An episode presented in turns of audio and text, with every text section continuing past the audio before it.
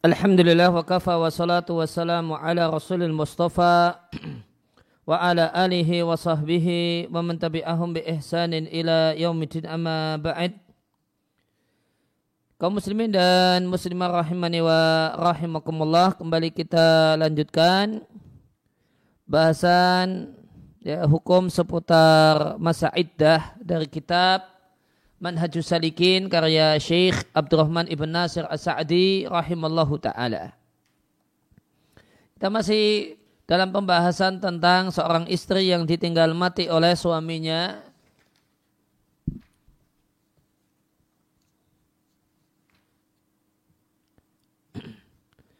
ya, disampaikan oleh Syekh Ibn Sa'di rahimallahu taala wala takhruju minhu illa lihajatiha naharan wanita yang ditinggal mati oleh suaminya selama empat bulan sepuluh hari tersebut tidak boleh keluar minhu dari rumahnya.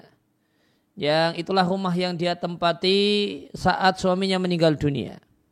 Ilali hajatiha kecuali betul-betul ada kebutuhan yang mendesak. Dan itu pun naharan di siang hari, tidak boleh di malam hari. Dikaulihi ta'ala karena firman Allah ta'ala Walladina yatawafawna minkum yadaruna aswaja Yatarabbas nabi angfusihinna arba'ata asyuri wa asyra dan para suami yang uh, yang meninggal dunia di antara kalian dalam keadaan dia meninggalkan istri maka istrinya menunggu selama empat bulan sepuluh hari. Contoh kebutuhan yang membolehkan seorang wanita untuk keluar rumah di masa berkabung dan masa iddah 4 bulan 10 hari ini adalah semacam kebutuhan untuk mendapatkan nafkah. Yaitu mendapatkan uang untuk bisa memenuhi kebutuhan makannya. Kebutuhan makanan dan pakaiannya. Nih. Kal muadhofa semacam seorang wanita yang bekerja dan dia bekerjanya adalah untuk menafkahi dirinya. Yang dia jika tidak bekerja maka ya, tidak ada yang menafkahinya. Au murojaat tidak irotin hukumiyatin atau karena ada keperluan mendesak untuk ke, pergi ke satu instansi pemerintah.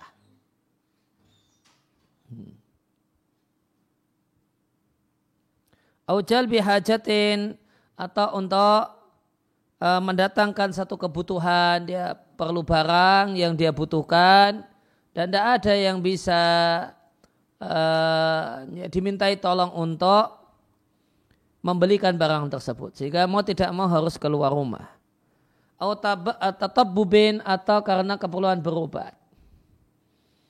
Pada waktu 4 bulan 10 hari ini jatuh sakit tidak boleh tidak harus keluar rumah untuk berobat dan tidak memungkinkan untuk memanggil dokter ke rumah. Dalilnya Nabi Shallallahu Alaihi Wasallam tidak menyalahkan tindakan al furaiah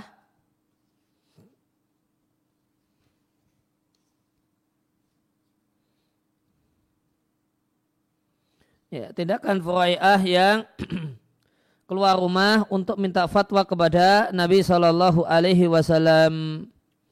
Namun boleh keluar rumah ini naharan di siang hari, tidak di malam hari. Alasannya dan pertimbangannya kenapa tidak boleh malam hari? Karena di malam hari itu berpeluang besar terjadi banyak kejahatan. Ya, sehingga uh, dan siang itu secara umum lebih aman.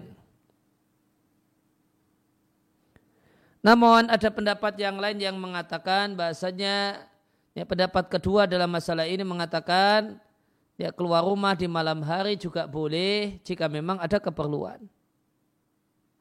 Karena boleh jadi kebutuhan itu terjadi di malam hari. Ini ada kebutuhan di malam hari semacam sakit. Ya, bisa terjadi di malam hari.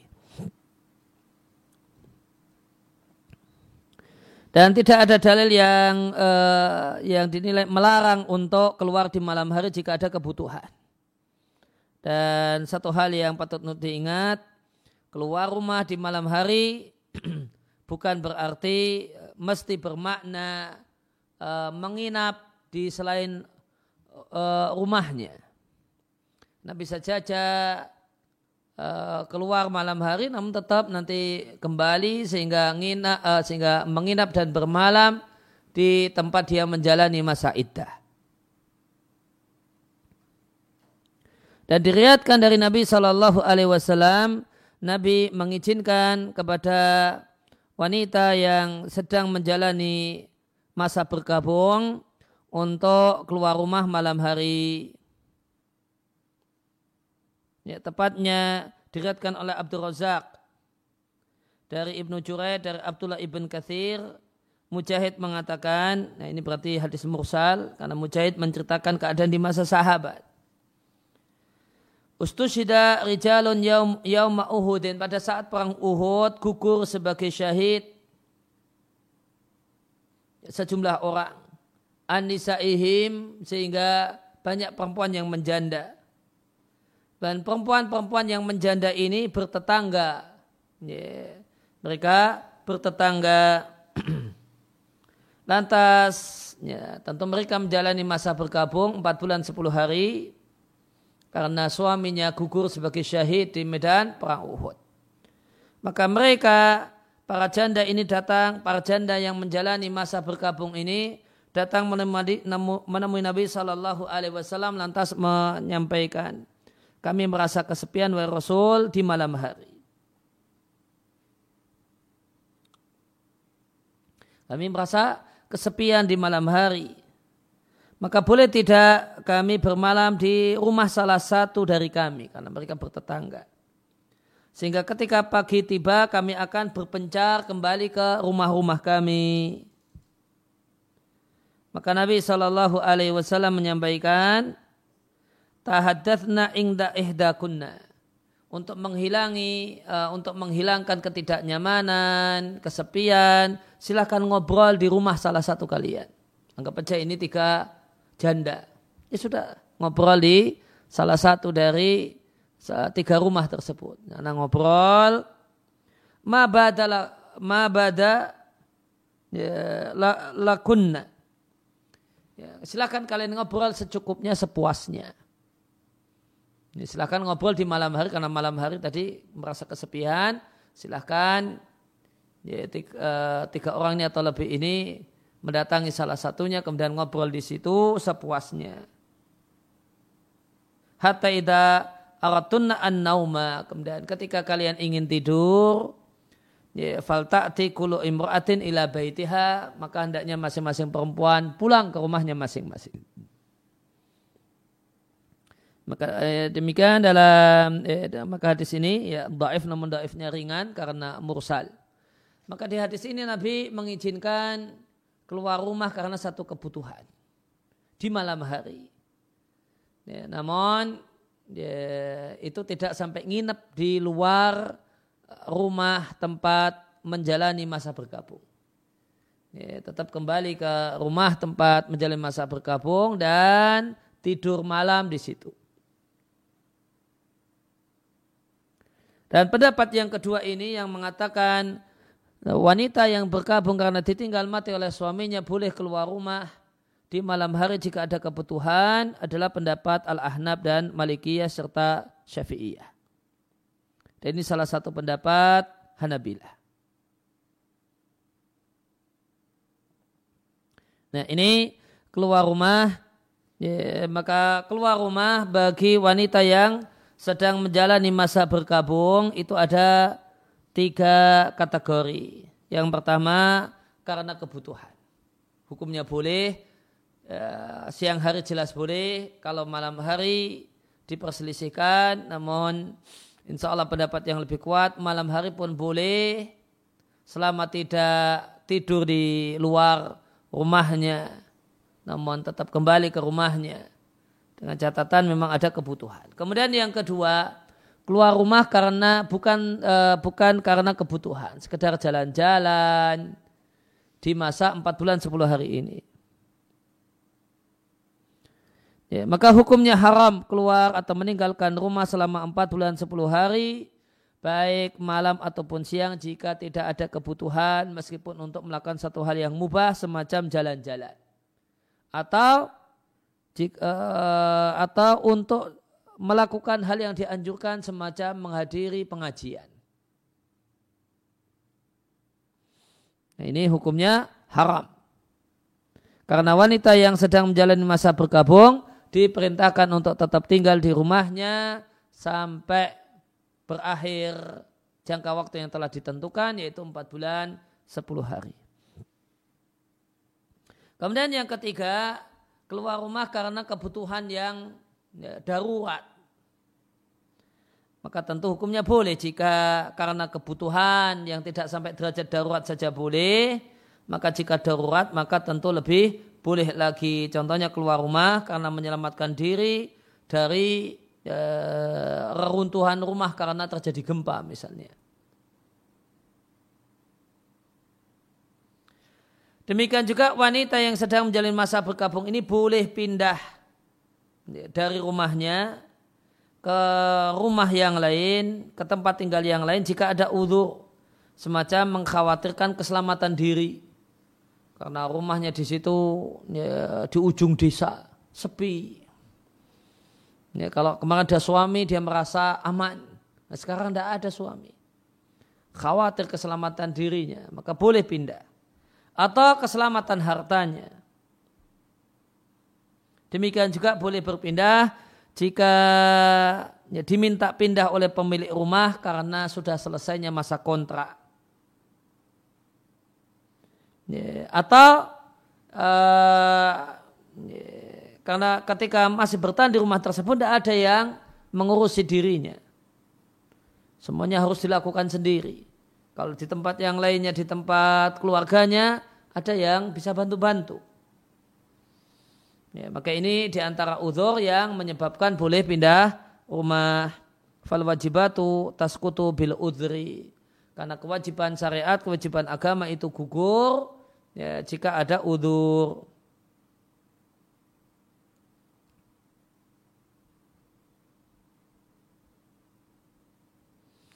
Kemudian inilah sejumlah ketentuan, sejumlah larangan bagi wanita yang sedang menjalani masa bergabung.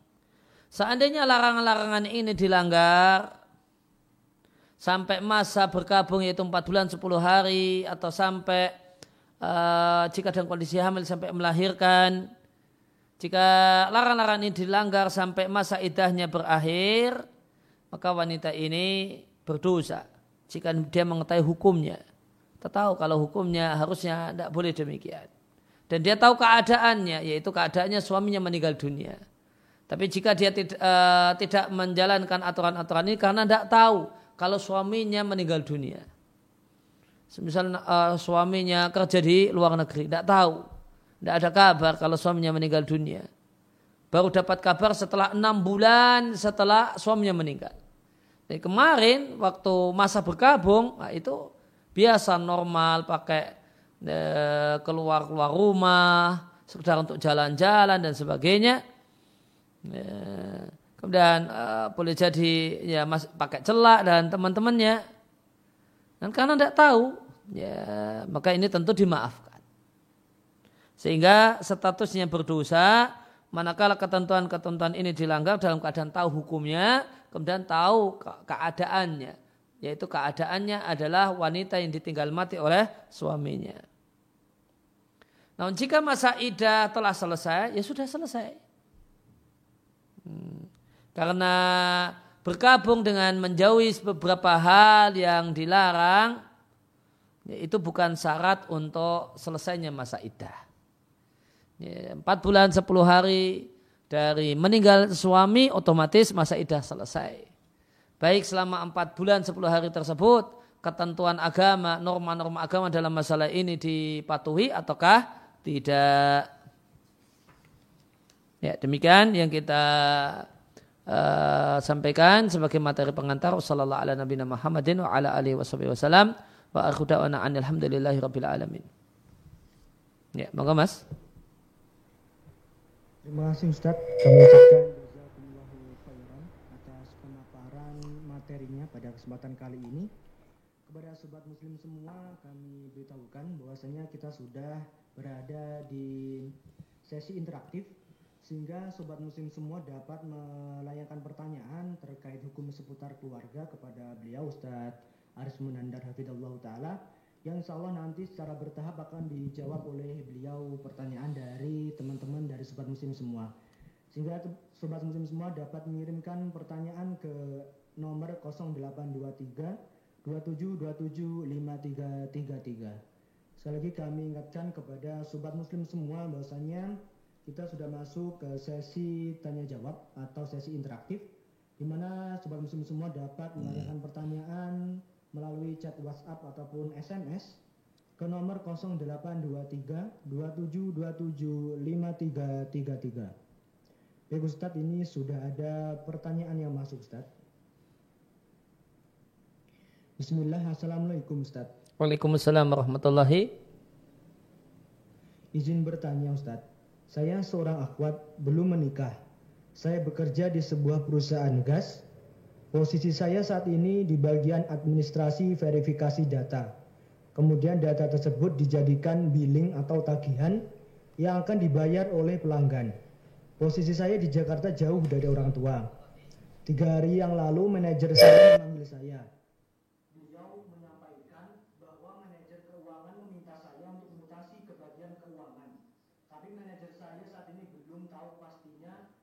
posisi apa.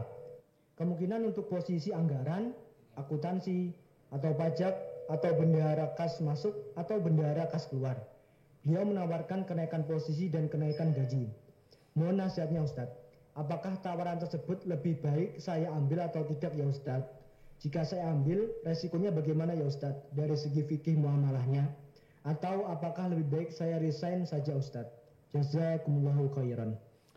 Ya, kalau berpindah ke bagian keuangan asalkan bukan bagian eh, perpajakan atau bagian eh, apa eh, melayani kredit eh, jika ada karyawan perusahaan yang mau mengajukan eh, hutang ribawi maka eh, namun bagian-bagian yang lainnya yang aman insya Allah tidak mengapa. Namun jika jika kemungkinan besar akan ditempatkan di bagian-bagian tersebut, maka saya sarankan untuk bertahan di posisi yang lama saja. Nah. Terima kasih Ustadz atas nasihatnya. Kita lanjutkan ke pertanyaan berikutnya Ustadz. Assalamualaikum warahmatullahi wabarakatuh Ustadz. Waalaikumsalam warahmatullahi wabarakatuh. Bagaimana menggabungkan antara perintah berbakti kepada ibu dalam hal khidmat dengan tinggal berbeda rumah ketika telah menikah? Apakah lebih afdol tinggal dengan orang tua setelah menikah dalam rangka khidmat kepada orang tua atau tinggal berbeda rumah dengan orang tua? Jazakallahu khairan. Penanyanya ini laki-laki atau perempuan, Mas? Ini perempuan, Ustaz. Ya, uh, Kalau untuk uh, jika penanya ini adalah perempuan dan jika dia tetap ingin uh, bersama kepada orang tuanya, maka bisa saja namun cara yang terbaik adalah saat akad nikah ada perjanjian pernikahan. Itu perjanjian pernikahan untuk tetap tinggal di rumah pihak perempuan. Jika tidak ada perjanjian pernikahan semacam ini, maka kewajiban istri adalah ikut suami. Ke mana suami mau ngajak pergi, asalkan ditempatkan di rumah yang layak untuk ditempati. Dan dia adalah seorang suami yang care dan peduli dan menunaikan hak istri. Maka wajib baginya ikut istri ke mana uh, suami ini mau mengajak istri tinggal. Ya, itu jika dia jika penanya ini berkeinginan untuk tetap uh, tinggal di uh, membersamai orang tuanya. Nah. Terima kasih Ustadz atas nasihatnya dan penjelasannya. Kita lanjut ke pertanyaan berikutnya Ustadz. Assalamualaikum warahmatullahi wabarakatuh Ustaz. Waalaikumsalam warahmatullahi wabarakatuh. Assalamualaikum ilaikum Ustaz. Wa ilaikum. Apakah menantu terus harus tetap tetap menyapa mertua yang sama sekali mengajukan sapaannya yang sudah tiga kali tidak pernah dijawab? Apakah menantu jika minta pindah dari rumah mertua dianggap tidak patuh kepada suami? Mertua selalu menyalahkan menantu walaupun menantu benar dan selalu mengalah sehingga menantu merasa tersiksa hatinya karena selalu disalahkan. Mohon nasihatnya Ustadz. Ini penanyanya istri apa suami mas? Ini penanyanya perempuan Ustadz. Ya, uh, maka satu hal yang patut untuk disadari semua pihak, terutama oleh suami, bahasanya di antara hak istri adalah dipenuhi hak tempat tinggal. Dan hak tempat tinggal yang menjadi hak istri, sebagaimana disampaikan oleh para ulama, adalah tempat tinggal yang dia bers, dia sendirian di situ tanpa dicampur dengan keluarga suami. Tidak ada di situ orang tua suami, tidak ada di situ adik suami dan yang lainnya. Kecuali jika perempuan ini ridho. Dan dalam kasus ini ya, pihak perempuan tidak ridho karena dia tidak nyaman dengan sikap uh, sikap orang tuanya maka wajib atas suami secara agama dalam hukum agama untuk ya bahasa praktisnya carikan kontraan untuk ditempati mereka berdua dan kemudian uh, tentang menyapa ya, ya, maka Uh, jawabannya adalah firman Allah Ta'ala idfa bilati ya ahsan. Balaslah perlakuan buruk orang lain dengan perlakuan baik. Demikian idealnya. Demikianlah yang Allah Subhanahu wa taala perintahkan. Jika ini ditujukan kepada umumnya orang, maka untuk orang-orang yang punya hubungan khusus dengan kita semacam mertua, ya, ya tentu lebih-lebih lagi. Ya, meskipun beliau tidak merespon kita sebagai statusnya anak dan anak muda kita coba mengalah dan mengalah ya semoga dengan bersabar Allah Subhanahu wa taala membukakan hati mertua sehingga hubungan di antara keduanya bisa uh, bisa kemudian bisa cair. Nah, Terima kasih Ustadz atas nasihatnya pada pertanyaan yang tadi. Kita lanjut ke pertanyaan berikutnya Ustadz. Izin bertanya Ustadz tentang materi tadi. Saya masih agak sedikit bingung. Jika seorang suami telah meninggal di luar negeri dan sang istri baru tahu enam bulan kemudian dan selama enam bulan itu si istri biasa saja karena setelah suami meninggal sudah lebih dari empat bulan sepuluh hari. Apakah ia sudah melewati masa idah atau setelah enam bulan tadi ia harus berkabung selama empat bulan sepuluh hari? Mohon maaf Ustadz, tadi saya agak kurang paham. Ya dia masa idahnya sudah selesai. Jadi suaminya di luar negeri meninggal dunia, istri baru tahu setelah enam bulan setelah suaminya meninggal dunia, maka masa idah istri sudah selesai. Dia tidak punya kewajiban apa pun dan uh, sikapnya biasa saja itu tidak berdosa karena dia tidak tahu keadaan dirinya yaitu keadaan dirinya yang ditinggal mati oleh suaminya. Nah. Terima kasih Ustadz atas jawabannya. Kembali lagi kami sampaikan kepada sobat muslim semua, di mana sobat muslim semua dapat menanyakan kepada Ustadz langsung melalui chat SMS ataupun WhatsApp yang akan kami bacakan dan insya Allah akan dijawab satu persatu oleh Ustadz Aris Munandar Hafidullah Ta'ala. Di mana teman-teman semua sobat muslim dapat mengirimkan pertanyaan ke nomor 0823 2727 5333 melalui chat WhatsApp ataupun SMS. Baik Ustaz, sudah ada pertanyaan kembali yang masuk Ustaz. Bismillah, Assalamualaikum Ustaz. Waalaikumsalam warahmatullahi. Semoga Allah selalu menjaga Ustadz dan keluarga. Amin. Izin bertanya Ustadz, apakah hukum wanita yang menjadi TKW untuk membantu ekonomi suami atau kebutuhan orang tuanya? Jazakallahu khairan. Jawabannya uh, ini semangat yang baik namun tidak pada tempatnya.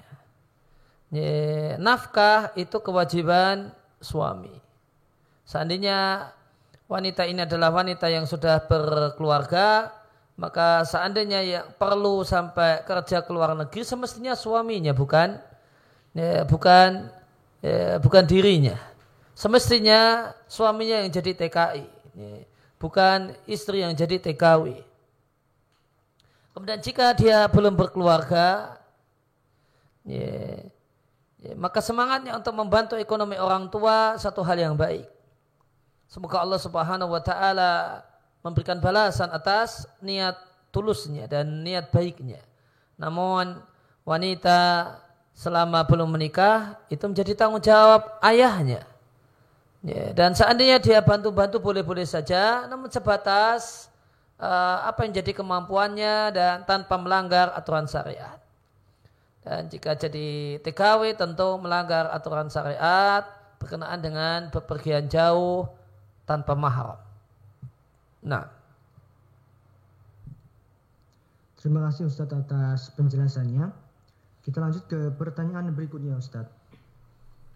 Assalamualaikum Ustadz. Wa ilaikum.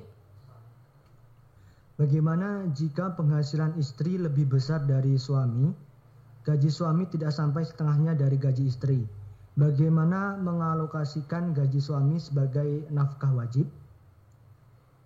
Ya, eh, maka yang pertama agar suami tetap memiliki kemuliaan ya, atau sebelumnya eh, hendaknya istri ini tetap berupaya dan mengkondisikan diri ya, agar suaminya tetap memiliki kehormatan di di matanya.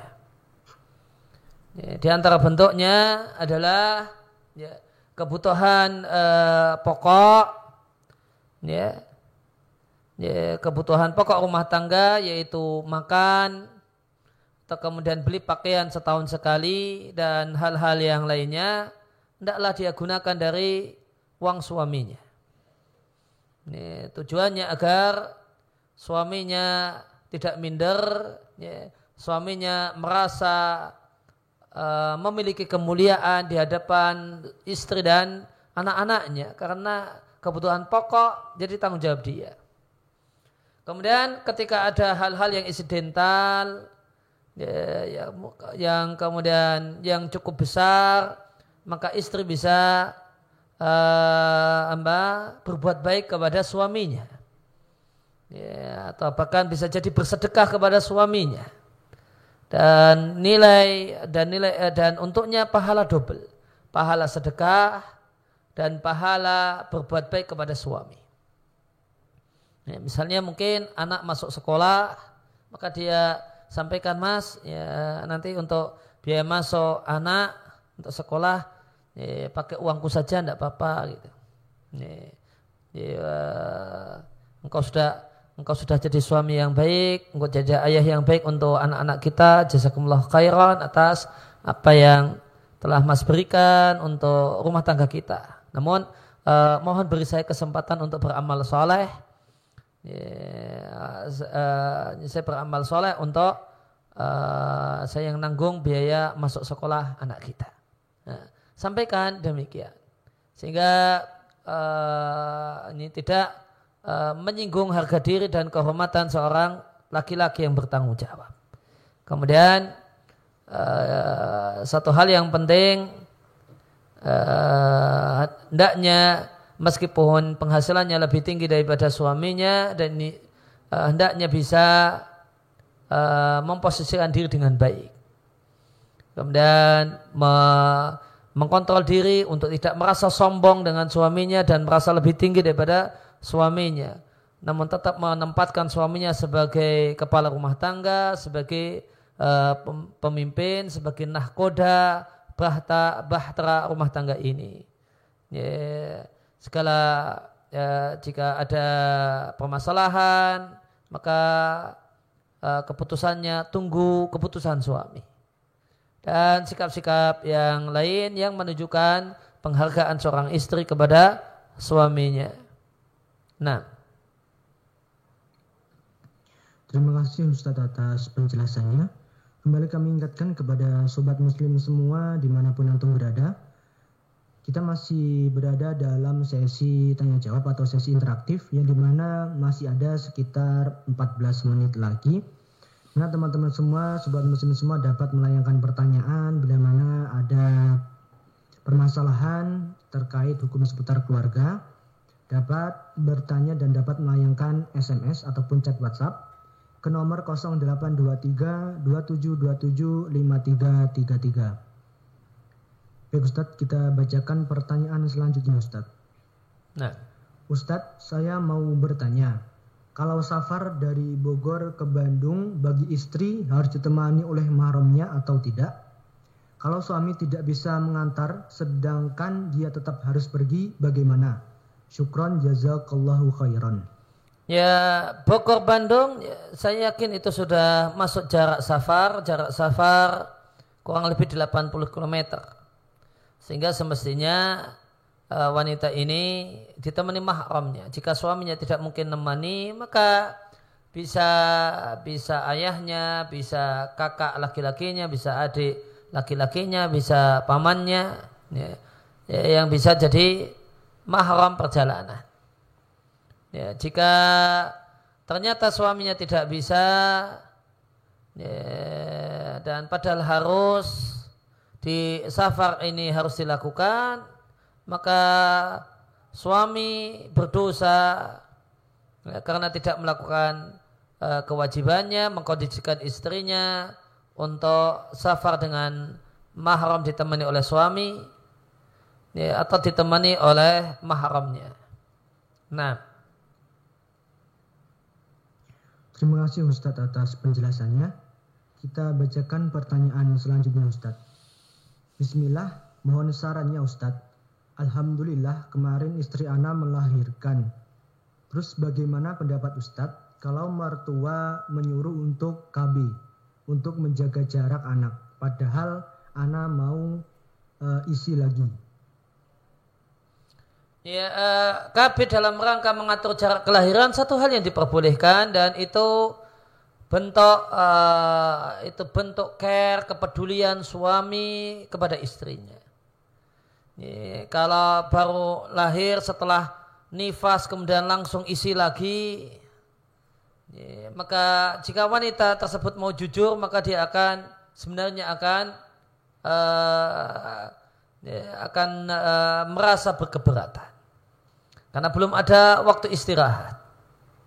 Sehingga saya sarankan untuk uh, mengiyakan permintaan uh, permintaan mertua. Ya, beri kesempatan istri untuk istirahat uh, kurang lebih selama dua tahun. Plus untuk memberikan waktu agar uh, anak itu bisa menyusu secara sempurna selama dua tahun. Ditambah dari sisi agama, hukumnya satu hal yang boleh. Dari sisi agama satu hal yang boleh, dari sisi psikologi ini uh, ini bentuk kepedulian seorang suami kepada istrinya, perhatian seorang suami kepada istrinya, kasih sayang seorang suami kepada istrinya. Nah, Terima kasih Ustadz atas penjelasannya. Kembali lagi kita bacakan pertanyaan selanjutnya Ustadz. Bismillah, Assalamualaikum Ustaz. Waalaikumsalam warahmatullahi. Semoga Allah merahmati Ustadz dan keluarga, serta menjaga Ustadz dan keluarga dari segala keburukan, khususnya Amin. di masa pandemi ini. Amin. Afan Ustadz, izin bertanya. Ana ingin bertanya perihal batasan-batasan tasyabuh dalam pernikahan seperti apa Ustadz? Contohnya, Apakah memegang bunga bagi pengantin perempuan saat resepsi adalah bentuk tasyabuh terhadap wanita kafir? Karena sebagaimana yang diketahui wanita kafir selalu memegang bunga saat acara pernikahan mereka Ustadz. Mohon doa juga untuk kelancaran hajat anak Ustadz. Syukran wa jazakallahu khairan Ustadz. Ya, uh, yang namanya permasalahan itu bukan hanya permasalahan tasabuh. Hal yang bermasalah itu bisa tasabuh dan bisa unsur-unsur yang lainnya. Di antara unsur yang bisa dipertimbangkan adalah unsur unsur buang-buang harta. Jika satu gepok bunga itu adalah bunga asli, uh, nilainya berapa. Sekedar untuk diserahkan uh, kepada suami uh, atau yang lainnya yang tidak ada nilainya, tidak ada uh, manfaatnya. Maka uh, minimal dikhawatirkan ini termasuk buang-buang harta. Ya, meskipun ya mungkin kita katakan itu tidaklah bagian dari uh, melakukan kekhasan orang kafir. Ya, maka uh, yang jadi sumber uh, ya, ya, yang jadi sumber acuan itu tidak harus hanya dari sisi tasabuh. Namun sisi mubadir, sisi atau yang lebih tepat israf, buang-buang harta dalam uh, untuk satu hal yang tidak ada manfaatnya sama sekali. Atau nama yang lebih tepat kalau tidak ada manfaatnya sama sekali adalah itu adul mal. Buang-buang harta. Dan Nabi SAW menyampaikan wa karihalakum thalathan kila wa qala wa kathrata wa itu adul mal. Dan di antara yang Allah benci adalah buang-buang harta yaitu uh, harta dibelanjakan untuk membeli sesuatu misalnya padahal sesuatu tersebut tidak ada manfaatnya. Nah. Terima kasih Ustadz atas penjelasannya. Sekali lagi kami ingatkan kepada sobat muslim semua masih ada sedikit waktu pada sobat muslim yang ingin bertanya ada permasalahan seputar hukum keluarga dapat menanyakan dan dapat mengirimkan SMS ataupun WhatsApp ke nomor 0823 2727 5333. Baik Ustaz, kita lanjutkan ke pertanyaan yang masuknya masuk berikutnya Ustaz. Barakallahu fikum Ustaz. Wallahi barik fikum. Di masyarakat kita selain walimatul urs, ada juga walimatul safar. Bagaimanakah tuntunannya? Apakah ketika akan berangkat safar ataukah ketika pulang safar? Uh, walima atau acara makan-makan itu bagian dari adat, bagian dari non ritual ibadah, hukum asalnya boleh selama tidak ada unsur-unsur yang terlarang dalam masalah ini. Termasuk di antaranya adalah walimatus safar dan itu longgar mau se mau sebelum berangkat ataupun setelah berangkat. Meskipun kalau kita lihat hadis Nabi di antara hal yang Nabi lakukan itu adalah menyembelih hewan setelah beliau pulang dari bepergian. Ya, dan tidak main eh, dan tidak main-main di hadis disebutkan Nabi menyembelih sapi setelah uh, pulang dari bepergian. Namun uh, hal ini tidak kita katakan sebagai satu hal yang dianjurkan dan kita katakan ini satu hal yang hukumnya mubah, hukumnya boleh. Nah, Terima kasih Ustadz atas penjelasannya. Kita lanjut ke pertanyaan berikutnya Ustadz. Ahsanallahu ilaikum Ustadz. Wa ilaikum. Bolehkah kita hanya mendoakan saja orang tua kita yang belum sholat? Karena orang tua susah dinasihati. Dan apabila diajak bicara nanti malah terjadi cekcok dan akan berujung kepada marah-marahan. Mohon nasihatnya Ustadz ya, uh, bagian di antara usaha jika usaha-usaha yang lain juga tidak mempan atau bahkan bagian dari usaha yang penting adalah berdoa minta kepada Allah agar Allah membukakan ya, pintu hati orang tua untuk bisa menerima atau untuk bisa uh, menjadi hamba Allah yang baik dengan mengerjakan ibadah salat. Nah. Terima kasih Ustadz atas nasihatnya. Kita bacakan Pertanyaan berikutnya Ustadz. Bagaimanakah hukum pernikahan yang mengikuti adat istiadat yang berlaku Ustadz? Seperti dandanan ataupun juga pakaian. Mohon jawabannya Ustadz. Jika berkenan dengan dandanan dan pakaian pengantin, ya selama tidak ada hal-hal yang terlarang di dalamnya, maka tidak terlarang, boleh-boleh saja. Ya. Jadi, eh, maka jika mau ditanyakan, maka tolong lebih spesifik dandanan seperti apa atau bagaimanakah keadaannya gitu. Kalau sekedar dandanan pengantin maka kaedahnya itu masalah duniawi, masalah non ritual ibadah hukum asalnya boleh selama tidak ada hal-hal yang terlarang dalam timbangan ilmu agama. Nah, Terima kasih Ustadz atas penjelasannya. Kita bacakan untuk pertanyaan berikutnya Ustadz. Assalamualaikum Ustadz. Waalaikumsalam warahmatullahi. Semoga Allah selalu menjaga Ustadz. Amin. Suami menginginkan istri mewarnai rambutnya karena suami menyukai rambut yang berwarna seperti artis Korea. Bagaimana hukumnya Ustadz? Jika niatnya seperti artis Korea, maka hukumnya haram karena tasabuh. Ya, maka tasabuh itu bisa uh, dilihat dari niatnya. Jika niatnya untuk menyerupai orang kafir, maka hukumnya adalah hukum tasabuh. Ya, meskipun itu sebenarnya bukan kekhasan orang kafir. Ya, bukan satu hal yang identik dengan orang kafir. Pakai kemudian rambut pirang, yaitu bisa kemudian kekhasan eh, orang-orang uh, yang nakal-nakal di tempat kita atau kemudian tapi kalau diniatkan seperti artis Korea ya berarti diniatkan untuk menyerupai orang orang kafir. Maka hukumnya haram. Bagian dari hadis Nabi Shallallahu Alaihi Wasallam man tasyabah biqaumin fawa minhum. Barang siapa yang menyerupai sekelompok orang maka dia bagian dari orang tersebut. Ya, barang siapa menyerupai orang kafir, maka dia bagian dari mereka. Dan hukum tasabut dengan orang kafir ini berlaku yang pertama ketika seorang itu melakukan sesuatu hal yang menjadi kekhasan orang kafir. Meskipun tanpa niat untuk serupa. Kemudian yang kedua, manakala dia berniat untuk menyerupai mereka. Ya, ya, maka uh, dal, uh, uh, dalam dua hal ini, dua-duanya tergolong ya, tasabuhun bil kufar, tasabuh dengan non muslim yang hukumnya terlarang. Nah. Terima kasih Ustaz atas penjelasannya.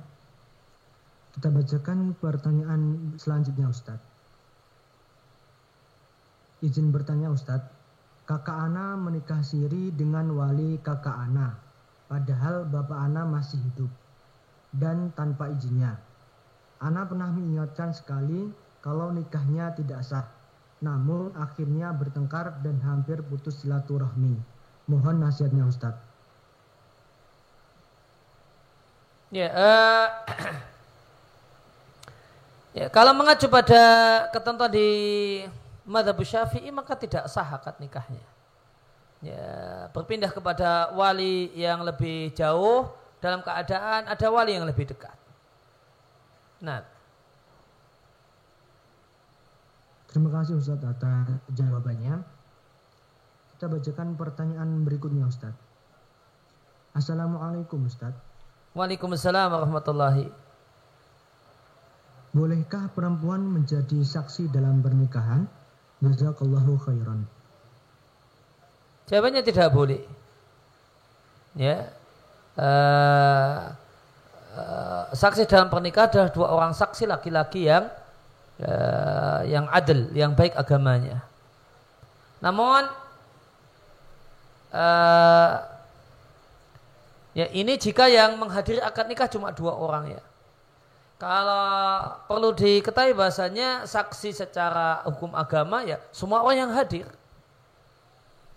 Semua orang yang hadir. Kalau di situ yang hadir laki-laki dan termasuk di antaranya perempuan, ya, dia ikut menyaksikan sebenarnya dia jadi saksi.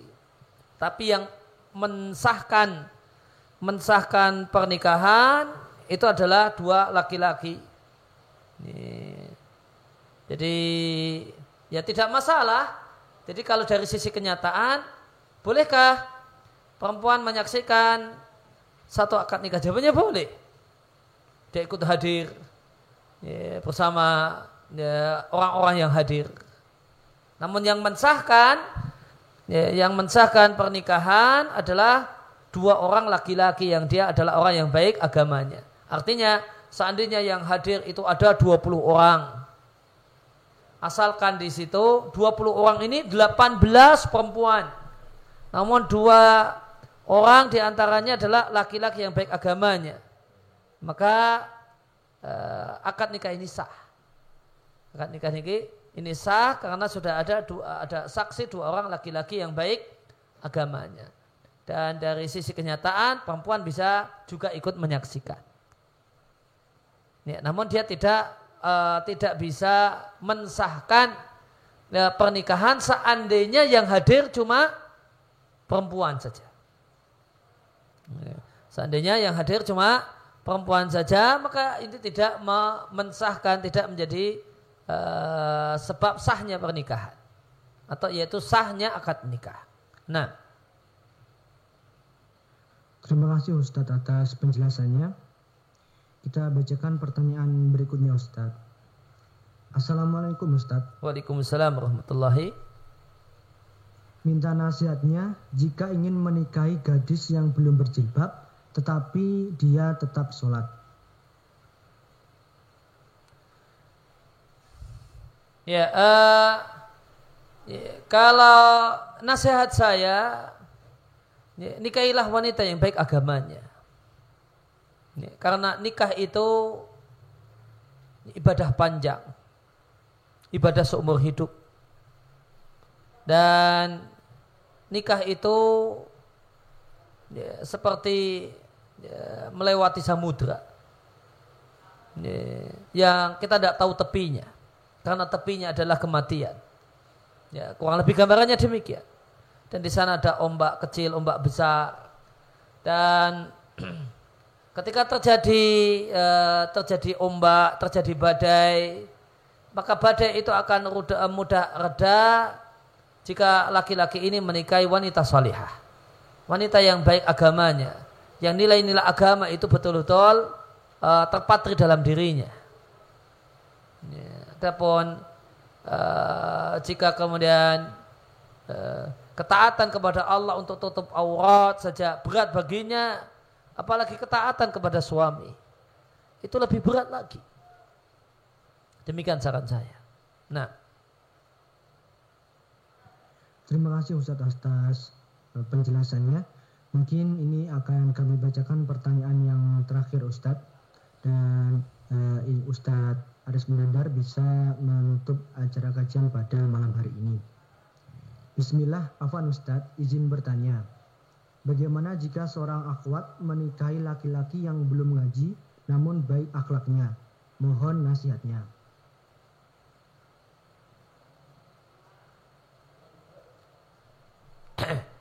ya, uh, ya uh, jika betul-betul baik agamanya, ya, baik agamanya dan ini telah di tentu dia akan mudah untuk diberi saran, saran-saran kebaikan. Dan ini sudah terlihat sejak sebelum hari H pernikahan. Misalnya sejak kenalan, maka ketika perempuan ini merasa cocok, kemudian dia sampaikan, ya, ya, Mas coba ikut kajian ini dan itu. Ya, ya, maka dia pun kemudian memberikan perhatian, uh, permintaan orang yang dicintai atau kemudian orang yang uh, orang yang uh, dicintai itu betul-betul mendapatkan perhatian. Ya, ya, maka ya silahkan jika ya, jika sebelum hari H pernikahan itu sudah terlihat kalau dia adalah suami yang bisa mudah menerima masukan dari istri. Namun ya, ya rumah tangga itu membutuhkan eh, membutuhkan klik di antara dua hati. Dan itu membutuhkan eh, visi dan misi yang jelas. Dan yang paling pokok visi yang misi rumah tangga yang jelas dari kepala rumah tangga kalau dia adalah orang yang belum baik agamanya ya, belum baik agamanya dari sisi agama dia belum baik, maka visi misi rumah tangganya juga ya, tidak jelas. Ya. Boleh jadi jelas, ya saya ingin rumah tangga sakinah mawadah warahmah.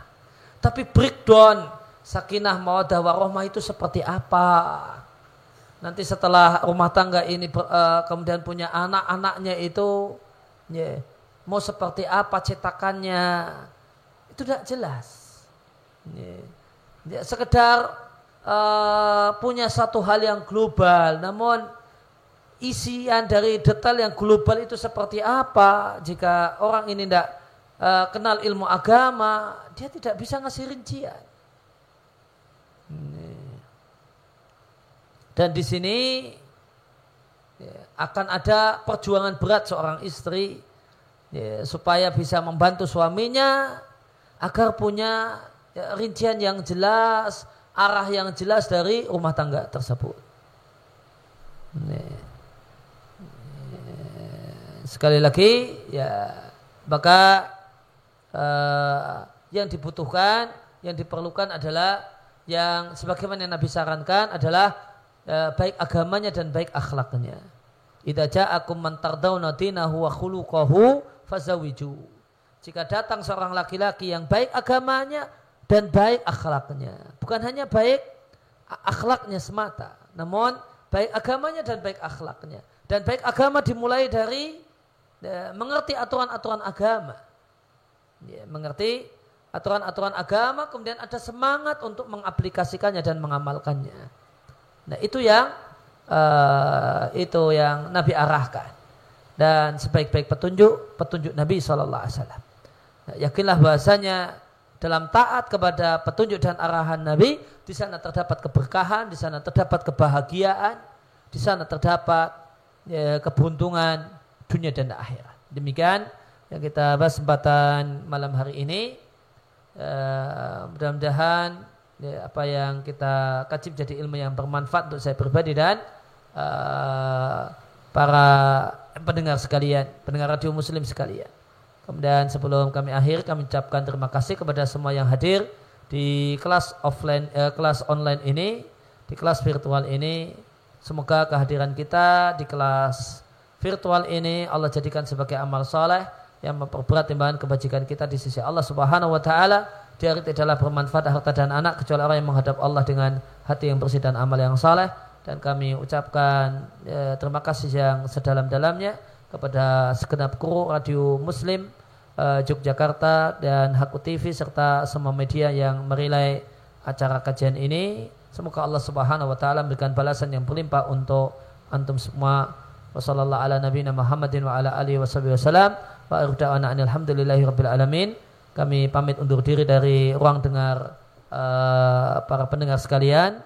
Uh, Subhanakallahumma bihamdika asyhadu an la ilaha illa anta astaghfiruka wa atubu ilaik. Wassalamualaikum warahmatullahi wabarakatuh.